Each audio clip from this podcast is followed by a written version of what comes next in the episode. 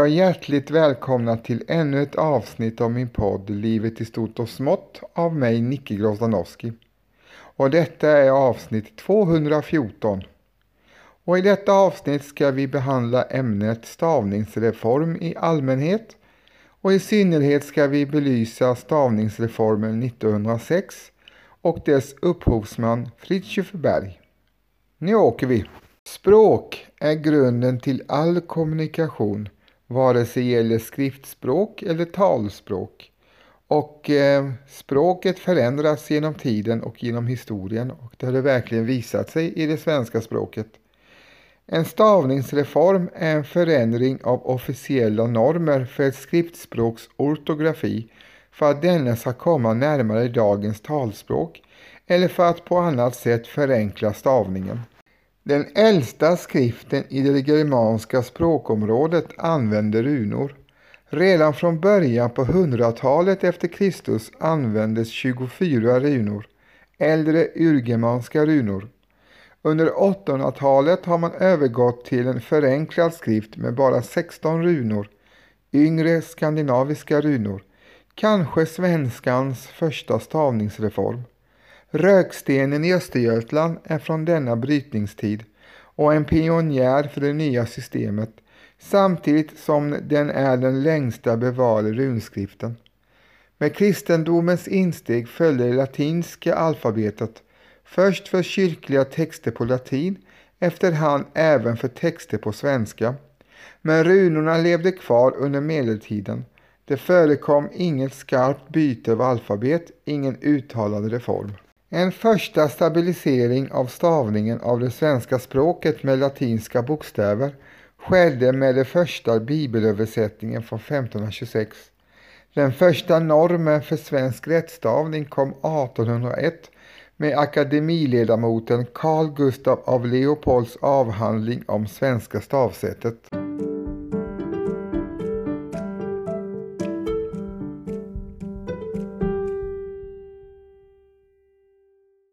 Efter att folkskolan hade blivit obligatorisk i Sverige 1842 ansågs det att läs och skrivundervisningen skulle kunna underlättas om stavningen reformerades.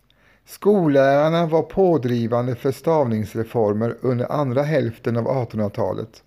Under inverkan av skandinavismen som efter dansk-tyska kriget 1864 hade tagit en språklig och kulturell inriktning ville även språkforskare reformera språket och stavningen så att den dels skulle bli mer enhetlig mellan de nordiska språken, dels anknyta mer till det fornnordiska förflutna. Till exempel infördes det fornnordiska ordet idrott som alternativ till det engelsk-fransk-tyska ordet sport.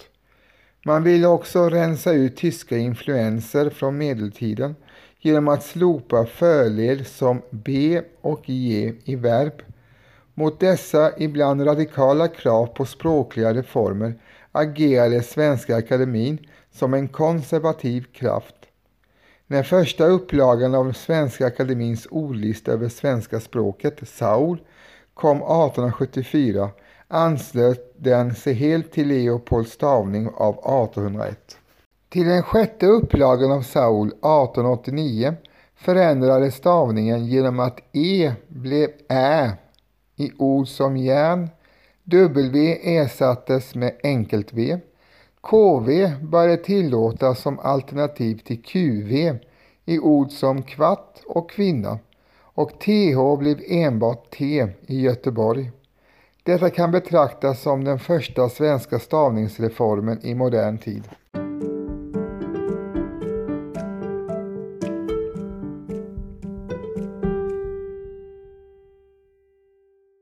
Den andra och mer kända svenska stavningsreformen 1906 bestod i att ecklesiastikministern och tidigare skolläraren Fritiof Berg genomdrev att Sveriges folkskolor inte längre skulle underkänna elever som stavade V istället för F, FV eller HV eller TT istället för DT.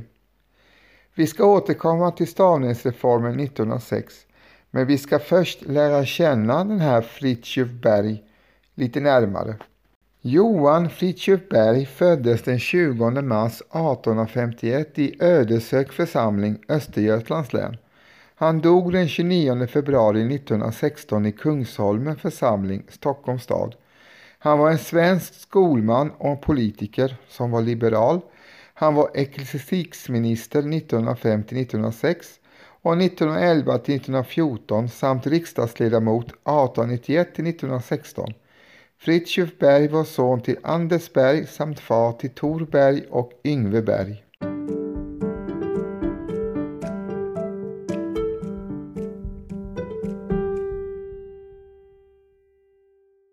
När Karl Staaff bildade regering den 7 november 1905 med en rösträttsreform baserad på majoritetsval som målsättning blev Berg ecklesiastikminister. Som statsråd lyckades han förverkliga en del för folkundervisningen och den allmänna kulturen betydelsefulla önskemål. Han var ansvarig för stavningsreformen 1906 som vi ska återkomma till lite senare. Den avskaffade stavningarna med HV för uddljudande V i standardsvensk stavning, FV för inljudande V, F för utljudande V och DT för utljudande T. Han genomdrev också ändringar av folkskollärarkårens representation inom de lokala skolstyrelserna och statsanslag till skönlitterära författare. Den 29 maj 1906 avgick hela regeringen.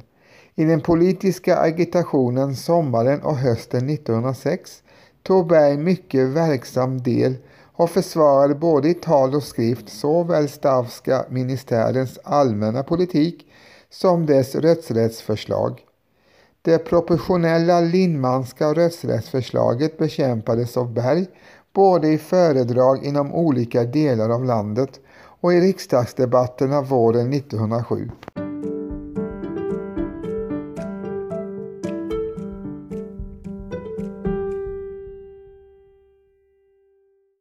Sedan förslaget om proportionella val till slut antagits av riksdagen intog han liksom Staff den ståndpunkten att striden mellan proportionella val och majoritetsval borde få vila. Beträffande parlamentarismen, försvarsfrågan och nykterhetsfrågan, de tre stora stridsfrågorna 1909-1911, anslöt sig Berg helt till Staff och var liksom denne anhängare av andrakammarparlamentarism samt utredningar rörande försvaret och den allmänna ställning till rusdryckshandeln. Det arbete Berg utför som ecklesiastikminister blev inom vida kretsar högt uppskattat. Han var en av de ledande inom sin tids svenska liberala utbildningspolitik och svensk skolpolitik. Med stöd av de manliga lärarna lade han en proposition om olika löneskalor efter kön för de offentligt anställda folkskollärarna. Citat. Lärare och lärarinnor presterar må hända lika mycket arbete och säkerligen lika värdefullt arbete, men de presterar helst visst icke samma slags arbete, slutcitat, menade Berg. Riksdagen fastslog principen 1906. Universitetens uppfattning fick ett klart uttryck i Bergs promoverande till filosofie hedersdoktor vid Linnéjubileet i Uppsala 1907. Berg var också en av grundarna till barnbiblioteket Saga. Han gifte sig 1883 med Wilhelmina Dorothea Kåberg som föddes 1858 och dog 1921. Hon var dotter till smeden Per Adolf Kåberg. Frithiofsberg grav återfinns på norra begravningsplatsen.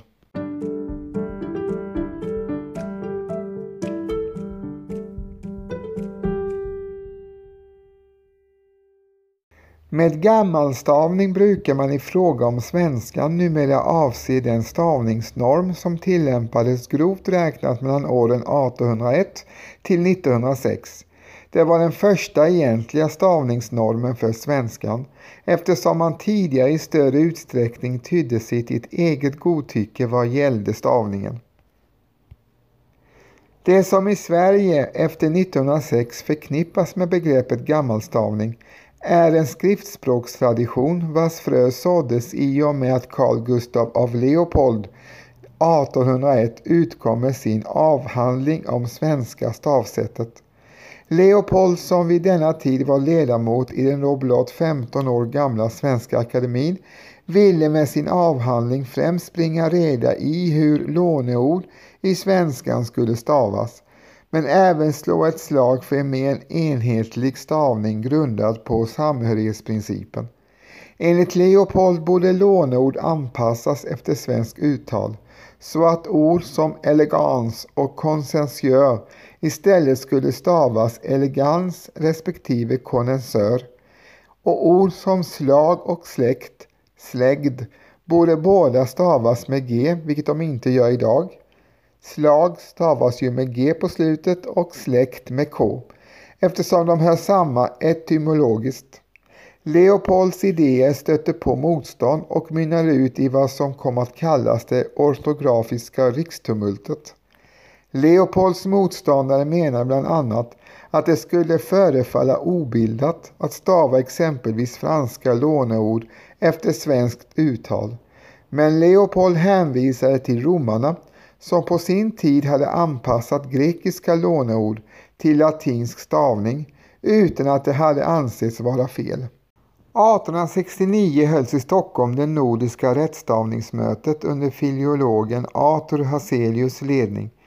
Syftet med mötet var att undanröja onödiga skiljaktigheter i de särskilda nordiska språkens stavningssätt.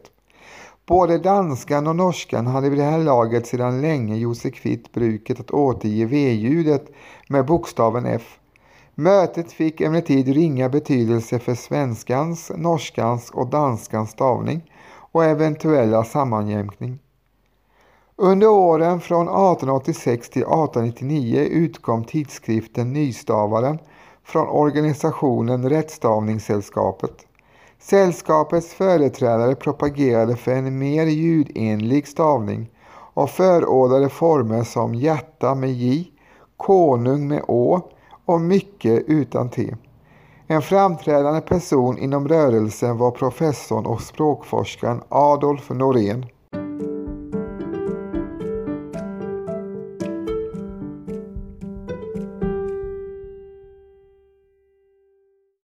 K-ljudet stavades med Q före V i inhemska ord som skvaller och kväll och bekväm, men av naturliga skäl även i romanska låneord som ekvilibrist och kvalitet. Låneord som inte hade Q från början, som till exempel norskans kvänner och ryskans kvass, brukade inte skrivas med Q. Över ordgränser skrev man aldrig Q före V således aldrig språkvård eller bakvänd. Redan före 1889 höll många det fritt att välja mellan Q och K före V, så länge man var konsekvent. 1889 var ännu QV vanligare än KV i tryckta skrifter, men 1890 var istället KV vanligare. Författaren och humoristen Axel Wallengren skrev i En var sin egen professor redan 12 år före stavningsreformen så här, citat. Kvast och kvinna bägge två, pläga stavas nu med K. Slutcitat. Kort och långt T-ljud, som i orden gott och blandat, stavades med DT i de ord som har D i ordstammen. Således skrev man gott och blandat, eftersom ordens grundformer lyder god respektive blandad. Samma princip gällde för ord som äntligen, vildstek, glättig, hantverkare och muntligt eftersom de hör samman med ända, vild, glad, hand respektive mun.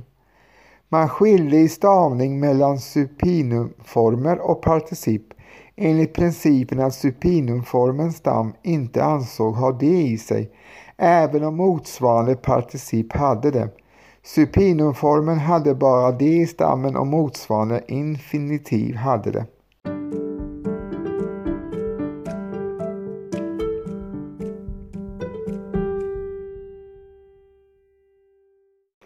V-ljudet stavades med HV i en del ord som tidigare hade uttalats med hörbart H. De flesta av dessa ord har besläktade motsvarigheter i danska, norska och engelska. Stavningen med HV kunde också vara betydelseskiljande markör för homonymer som piggvar, varböld, knölval, riksdagsval, varvtal, båtvarv och helvetesbröd och helveteseld. V-ljudet stavades med F i slutet av ord, vid ordgräns i sammansatta ord och före konsonant inuti ord, ej i begynnande av ord. Exempel Gustaf, Ulvåsa och havregryn. Varumärket Ifö borde alltså uttalas Ivö. I en del fall var stavningssättet med F för V-ljudet mer representativt för uttalet än dagens stavningssätt, som i orden trivsel, grovt, skevt, havsyta och livsviktigt. Låneord anpassades inte alltid efter svenskt mönster. Man skrev förvisso brev och prov med F på slutet, men väl elev, nerv, saliv och oliv på slutet med V. Namnet Torekov, där efterledes härstamning ansågs oklar, stavades som idag. V-ljudet stavades med FV före vokal inuti rena ordstammar, ej i begynnande av ord, före böjningsändelser och före avledningsändelser. Detta medförde att V-ljudet i en del ord stavades olika beroende på böjningsform. Lånord anpassades inte alltid efter svenskt mönster. Man skrev förvisso äventyr med FV, men väl galvanisera, lavandel, proviant och haveri med enbart V. För att göra rätt när det gällde sammansatta ord måste man veta var ordgränserna går och vad som räknas som odel respektive ändelse. Till de svårare exemplen kan räknas helvete, arvode och evig, som alltså är att betrakta som sammansatta ord fastän deras enskilda beståndsdelar, vete, vode och e, har mist sina respektive betydelser.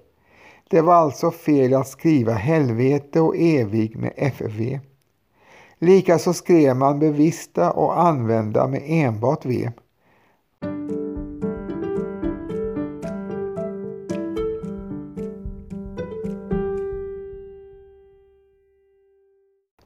Stavningen av ä-ljudet var länge instabil och i ordböcker utgivna kring 1800-talets slut anges ibland två alternativa former till enskilda ord Bland de vanligare ord som tidigare stavades med ett e istället för som nu med ett ä kan nämnas bokperm, barmhärtighet, bälg, bjällra, där, däremot, därest, därföre, därifrån, därtill, järv, dvärg, elf, älg, ämbar, änka, änkling, äga, ägare, ägodel, älg, äsping, fänkål, fjättra, hjärna, hämta, häxa, hjälte, hjärna, järpe, hjärta. Invärtes, jämn, järn, lämna, människa, märg, mässing, mässling, mjälte, nämligen päll, päls, pers, pränta, präst, ränta, rödlätt, själv, stjärna, tjänst, träns, tänka, utvärtes, väster och växla. Under slutet av 1800-talet när strävanden att övergå från E till Ä var som starkast var det även vanligt att se stavningar som Sverige, berg och igen att ha Ä istället för E som idag.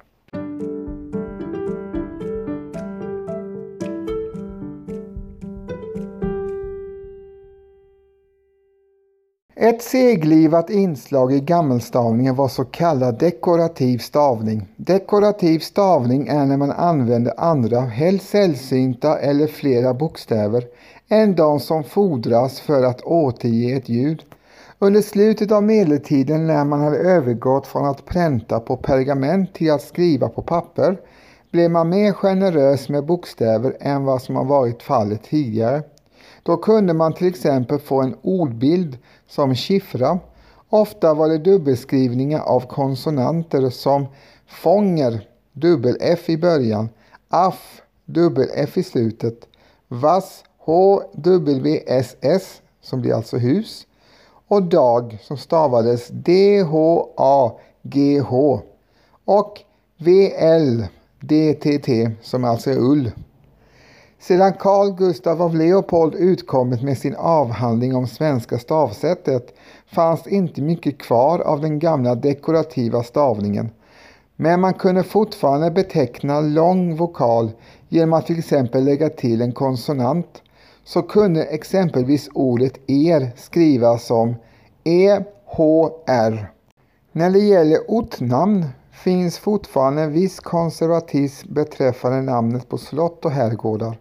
Den missuppfattning som ligger till grund för dessa ålderdomliga stavningar är att ortnamnets kulturhistoriska värde skulle ligga i den ålderdomliga stavningen snarare än i ordets betydelse.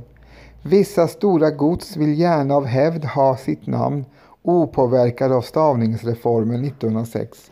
Bland dessa märks Fogelstad i Katrineholms kommun, Hooks herrgård i Vaggeryd som stavar med två O, Lövstad slott i Norrköping kommun stavas L-Ö-F stad. Näs slott dubbel-Ä i Lerums kommun och Ängsö slott som själva kallar sig Ängsö slott med E alltså i Västerås kommun. Även företaget Vi trädgårdar i Ockelbo använder sig av den gamla stavningen av ortnamnet Vi där bokstaven J efter I en gång hade funktionen att markera långt i. Dekorativ funktion har fortfarande ofta bokstaven W och då särskilt som versall i början av namn, vilket synes av stavningen Varvinge stavas W-A-R-F Vinge och är en släkt som kallas så och Borås Väveri AB där väveri stavas W-Ä-F Veri och grundades 1870. Bokstaven W användes inte för att beteckna V under tiden 1801 till 1906 under gammalstavningens tid. Däremot användes FV mellan vokaler.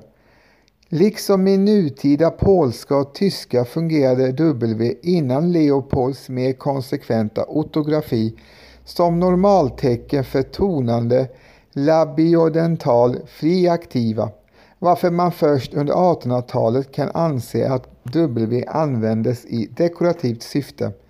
Tidigare var V reserverat för företrädesvis romanska låneord som nerv och proviant. Bruket av W trängdes bort i och med frakturstilen blev omodern och ersattes av antikvor på 1800-talet.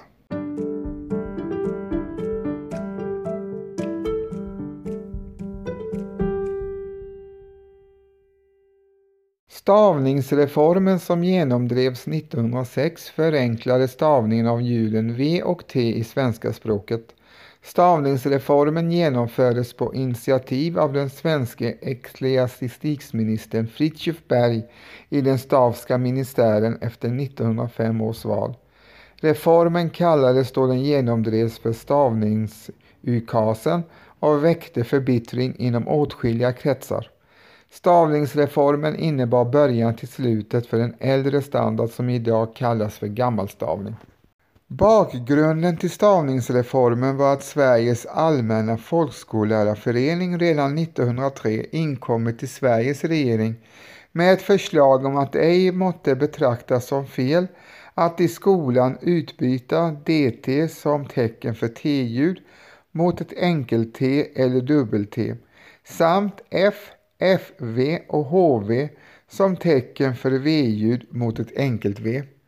Förslaget lämnades in i maj 1905 med anledning av en skrivelse av Fritiof Berg, Johan August Lundell och Eugene Schwartz riktad till de tre korporationerna, till Kungliga Majestätet lika lydande petitioner från Svenska Lärarsällskapet Sveriges allmänna folkskollärarförening och Föreningen av lärare och lärarinnor vid Sveriges flickskolor och samskolor att utbyta mot DT mot T eller dubbel-T och av F och FV mot V måtte vara tillåtet. Efter yttranden av ämneskonferensen i modersmålet, Läroverksöverstyrelsen och Svenska Akademin utfärdades ett kungligt cirkulär den 7 april 1906 om successivt införande i skolorna av T eller dubbel-T istället för DT och V istället för F, FV eller HV. Beslutet drogs igenom reservationer i konstitutionsutskottet inför 1907 års riksdag. 1908 ingick till Kungliga Majestätet en av 40 000 personer undertecknad petition om revision av 1906 års cirkulär, men ledde inte till något resultat. Inom litteraturen vann det nya stavningssättet långsam terräng. Flertalet tidningar hade länge den äldre stavningen kvar. Vissa författare ville gå längre än så och kunde till exempel skriva j-ljudet konsekvent med j som djup och hjälpa, där man alltså bortsåg från bokstaven d i början. Stavningsreformen är en del av övergången från yngre nysvenska till nusvenska. Efter att den genomfördes har det svenska skriftspråket med ett par undantag varit i stort sett stabilt. Stavningsreformen bidrog till viss del med att fjärma det svenska skriftspråket från övriga skandinaviska. Att stava v-ljudet med v inne och i slutet av ord var redan infört i dansk och norsk skriftspråk. Men på de övriga punkterna kom svenskan att inta en särställning. I både norskan och danska använder man fortfarande kombinationen HV och DT, även om den senares användning skiljer sig något från de tidigare svenska. Dessutom stavas flera av orden som tidigare hade HV med WH på engelska. Riksdagen och statliga organ antog den nya stavningen under 1910-talet och under 1920-talet blev den allmänt accepterad och införd i åttonde upplagan av Saul 1923, andra upplagan av Nordisk familjebok 38 band 1904-26 använde gammalstavning vid början av sin utgivning och höll fast vid detta ända fram till 1926. Riksdagen och statliga organ antog den nya stavningen under 1910-talet och under 1920-talet blev den allmänt accepterad och införd i åttonde upplagan av Saul 1923, andra upplagan av Nordisk familjebok 38 band 1904-26 använde gammalstavning vid början av sin utgivning och höll fast vid detta ända fram till 1926.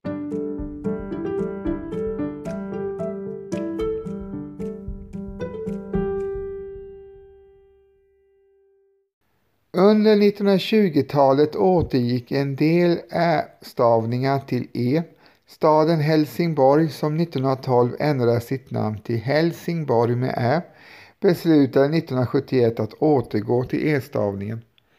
Att upprätthålla kongruensböjningen av verb, personkongruens, var en annan svårighet för lärarna.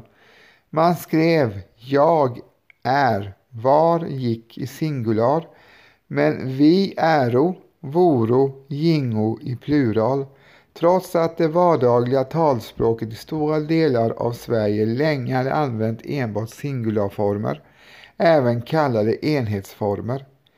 I kongruensfrågan stod strid mellan kongruensskrivare, konservativa, och enhetsskrivare, modernister. Men ännu viktigare ansågs konsekvensen vara om man använde enhetsformer skulle man enbart använda enhetsformer och inte blanda. Detta framhöll redan Nils Linder i boken Regler och råd från 1886 som dock avser talspråket. I boken om Nils Holgerssons saga 1906 har Selma Lagerlöf på inrådan av Adolf Norén använt kongruensformer i den berättande texten men enhetsformer i dialogerna. När Ture Nerman på 1910-talet började använda enhetsformer i skrift utdömdes detta som alltför radikalt. En sorts citat bolsjeviksvenska. Slutcitat. Det var först på 1940-talet som frågan om reform togs på allvar. Modermålslärarnas förening lämnade i juli 1943 förslag till Skolöverstyrelsen att enhetsformer skulle godkännas i uppsatser men att eleven måste skriva konsekvent. Från 1944 infördes denna valfrihet i gymnasiernas avgångsuppsatser. 1947 nådde enhetsformerna majoritet.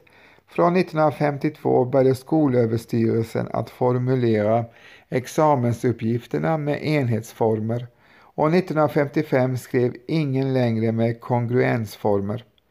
Tidernas telegrambyrå, TT, gick 1945 över till enhetsformer, några dagstidningar redan 1943. 1800-talets förslag att förenkla stavningen av j-ljudet som idag kan stavas med g, dj, gj, hj eller lj och för att inte tala om ske-ljudet som har en mängd olika stavningar som stj, skj, sk, sch, sh, ch, g, j, i, ssi, si, ti och gi. Det har aldrig genomförts och man kan nog undra varför. Ingen vill väl stoppa näsan i den här komplexa soppan. Senare tiders försök till förändring har gällt enstaka ord som dom, mig, dig, juice och zebra som idag kan stavas precis som det låter. Men dessa har inte alltid varit framgångsrika.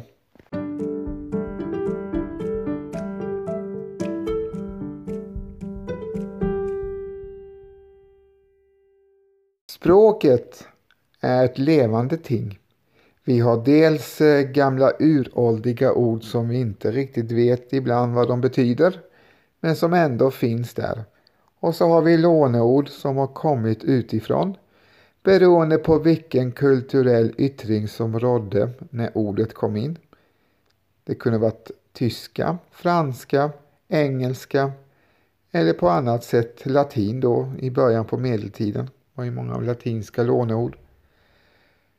Och detta blandas ju till det som till slut blir svenska.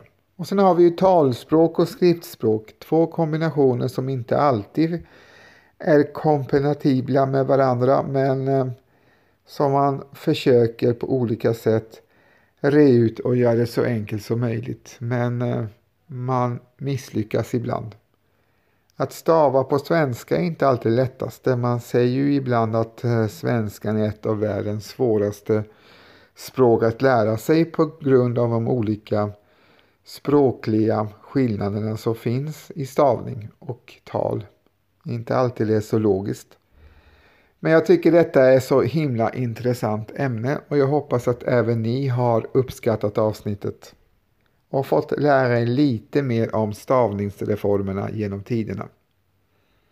I avsnittets början fick ni höra Carl Michael Bellman och hans Fjärilvingar syns på Haga, även kallad för Fredmans sång nummer 64. Och som avslutning får ni höra Par Deus med gruppen Gotthard. Min podd utkommer som regel en gång i veckan, då oftast på helgerna. Tidigare utkom ju podden två gånger i veckan men detta har jag inte lyckats genomföra på grund av tidsbrist så en gång i veckan får vara bra för tillfället. Vi får se hur det blir i framtiden. Med detta så vill jag tacka dig som har lyssnat på avsnittet och hälsa dig hjärtligt välkommen till kommande släppta avsnitt. Och medan du väntar på dem så kan du prenumerera på min podd där poddar finns så missar du inget släppt avsnitt och så kan du också botanisera i mina tidigare släppta avsnitt. Tack än en gång för att ni lyssnade på återhörande och ha en trevlig sommar nu. Ha det gott så hörs vi snart igen. Hej då!